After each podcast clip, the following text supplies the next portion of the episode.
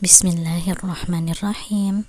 Assalamualaikum warahmatullahi wabarakatuh.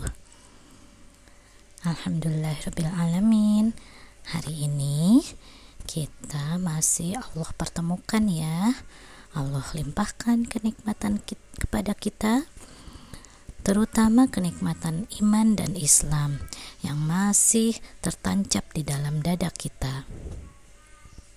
Salawat serta salam semoga terlimpahkan kepada baginda baginda Rasulullah Muhammad Sallallahu Alaihi Wasallam kepada keluarganya, kepada para sahabatnya, kepada tabiin dan tabiut, juga kepada kita selaku umatnya yang tunduk dan patuh kepada uh, ajarannya. Baik, adik-adik yang dirahmati Allah ah, bagaimana pagi hari ini? Apakah adik-adik sudah bangun dengan membaca doa? Alhamdulillah jika sudah melakukannya ya. Hmm, Bunda akan memurojaah kembali uh, doa bangun tidur. Yuk kita sama-sama Bismillahirrahmanirrahim. Alhamdulillahilladzi ahyana ba'dama amatana wa ilaihin nusur. Alhamdulillah.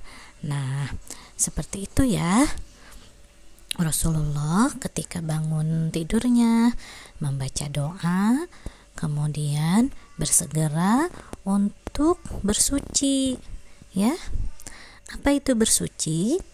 Bersuci itu berwudu dan membersihkan diri dari najis. Nah, kemudian apa lagi setelah bersuci? Rasulullah bergegas pergi ke masjid, ya untuk melakukan uh, sholat subuh berjamaah di masjid. Namun, pada saat pandemik seperti ini, mungkin ada beberapa masjid yang uh, yang yang membuka jamaahnya untuk berjamaah, untuk berjamaah sholat. Uh, ada juga masjid yang memang belum dibuka ya karena memang situasi pandemik uh, lebih mengutamakan kemaslahatan keselamatan umat ya. Insya Allah uh, ayah atau bunda uh, adik-adik akan menjelaskannya ya. Nah uh, kali ini bunda akan membahas tentang uh, apa selanjutnya uh, aktivitas pagi Rasulullah ya. Nah, setiap kali selesai sholat subuh berjamaah, Rasulullah berzikir ya sampai matahari terbit. Kemudian beliau sholat lagi dua rakaat. Rasulullah sendiri bersabda dalam sebuah hadis yang diriwayatkan oleh Muslim dari Anas. Barang siapa sholat subuh berjamaah, lalu duduk berzikir kepada Allah sampai matahari terbit, kemudian sholat dua rakaat, maka dia mendapatkan pahala haji dan umroh sempurna. Saat pagi beranjak siang dan sinar matahari sudah menerpa wajah manusia, itulah saatnya waktu duha yakni waktu memulai segala aktivitas dunia waktu bekerja dan beramal soleh, waktu memeras keringat dan membanting tulang. Ya, itu waktu bekerja. Rasulullah menggunakan waktu itu untuk menerima tamu, untuk mengajar, bersilaturahim, juga melakukan sholat. Nah, eh, jika adik-adik berarti waktunya untuk belajar ya.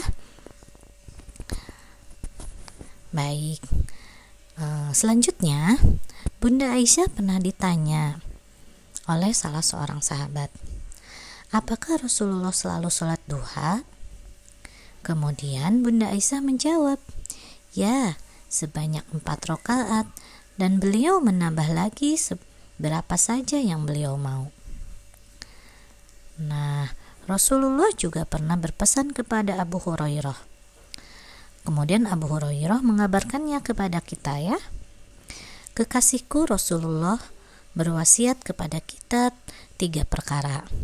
Yang pertama, berpuasa tiga hari dalam tiap bulan, yaitu puasa ayam mulbit. Yang kedua, mendirikan dua rakaat sholat duha. Dan yang ketiga, hendaklah sholat witir sebelum tidur. Nah itu ya aktivitas hari-harinya Rasulullah Kemudian Rasulullah berpesan lagi agar rumah umatnya selalu dihiasi dengan sholat sunnah. Rasulullah selalu melakukan sholat sunnah di rumah ya. Nah, beliau bersabda, Sholat sunnahlah kamu di rumah, jangan jadikan rumahmu seperti kuburan.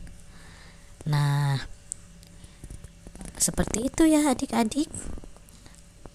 Jika rumah yang tidak e, tidak pernah dibacakan Al-Quran, tidak pernah ada orang yang berzikir, tidak pernah ada orang yang sholat, maka rumah itu perumpamaan kuburan. Nah, tentu kita tidak mau ya tinggal di rumah seperti itu, ya. Nah, maka uh, upayakan setiap hari uh, adik-adik dan ayah atau bunda membaca Al-Quran bersama-sama, murojaah, ya, juga mendengarkan murotal, ya. Nah, selanjutnya Ibnul Qayyim berkata, Rasulullah selalu melakukan sholat sunnah. Mengerjakan sholat sunnah di rumah mempunyai beberapa faedah, antara lain mengikuti jejak Rasulullah untuk mengajarkan kepada anak dan keluarga agar mendirikan sholat. Setelah selain itu, Setan dan jin sangat benci pada rumah yang di dalamnya ada orang yang sholat dan membaca Al-Quran, berzikir, dan ikhlas.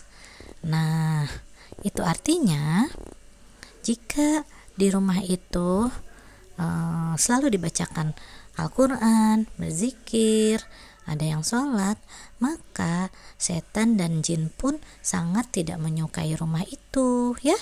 Alhamdulillah kalau tidak disukai oleh setan dan jin, maka kita akan dilindungi, dirahmati oleh Allah. Adik-adik mau seperti itu? Insya Allah mau ya. Nah, silakan adik-adik uh, uh, mengamalkan apa yang uh, sudah Bunda sampaikan ya. Semoga Allah mudahkan kita semua dalam mengamalkan ilmu yang Rasulullah sampaikan kepada kita.